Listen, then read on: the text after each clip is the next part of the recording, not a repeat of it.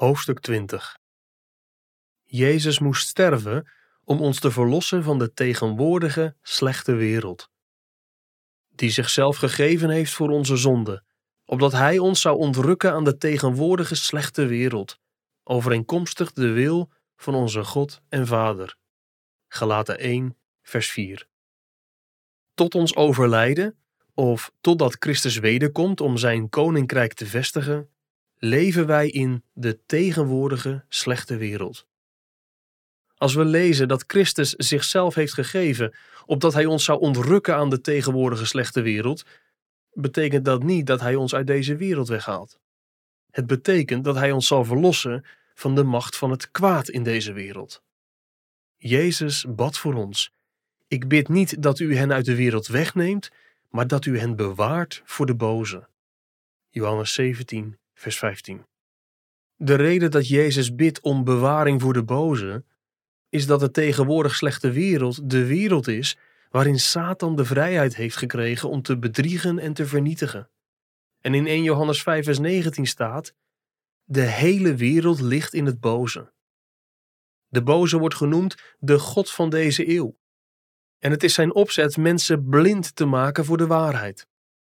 Van hen, de ongelovigen, geldt dat de God van deze eeuw hun gedachten heeft verblind, opdat de verlichting met het evangelie van de heerlijkheid van Christus, die het beeld van God is, hen niet zou bestralen.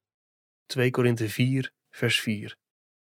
Totdat we uit onze verduisterde geestelijke toestand worden wakker geschud, voegen we ons naar de tegenwoordige slechte wereld en de heerser van die wereld.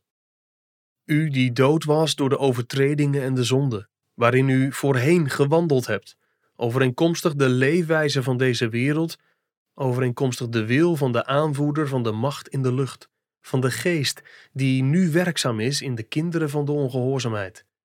Efeze 2, vers 1 en 2. Zonder het te weten waren we marionetten van de duivel. Wat voor ons als vrijheid aanvoelde, was gebondenheid.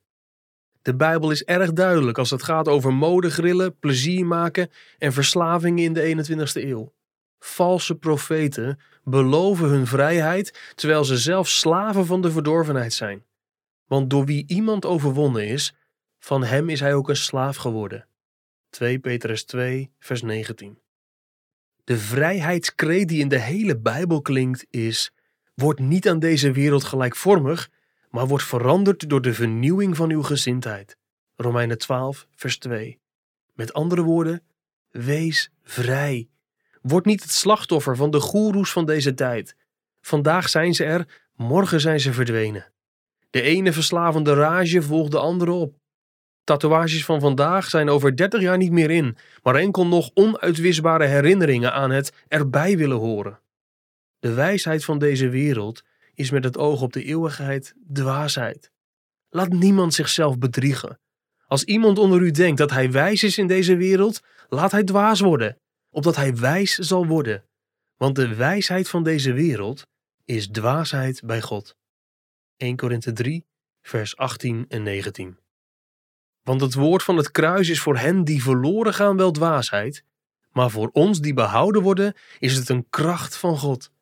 1 Korinthe 1, vers 18. Wat is dan die wijsheid van God? Dat is het bevrijdende sterven van Christus. De eerste volgelingen van Jezus zeiden: Wij echter prediken Christus, de gekruisigde, de kracht van God en de wijsheid van God. 1 Korinthe 1, vers 23 en 24. Toen Christus zich aan het kruis liet vastspijkeren, bevrijdde hij miljoenen gevangenen. Hij ontmaskerde het bedrog van de duivel en brak zijn macht. Dat bedoelde Jezus toen hij aan de vooravond van zijn kruisiging zei: Nu zal de vorst van deze wereld buiten geworpen worden. Johannes 12, vers 31. Volg geen verslagen vijand. Volg Christus. Dat kost je veel. Je zult in deze wereld een vreemdeling zijn. Maar je bent wel vrij.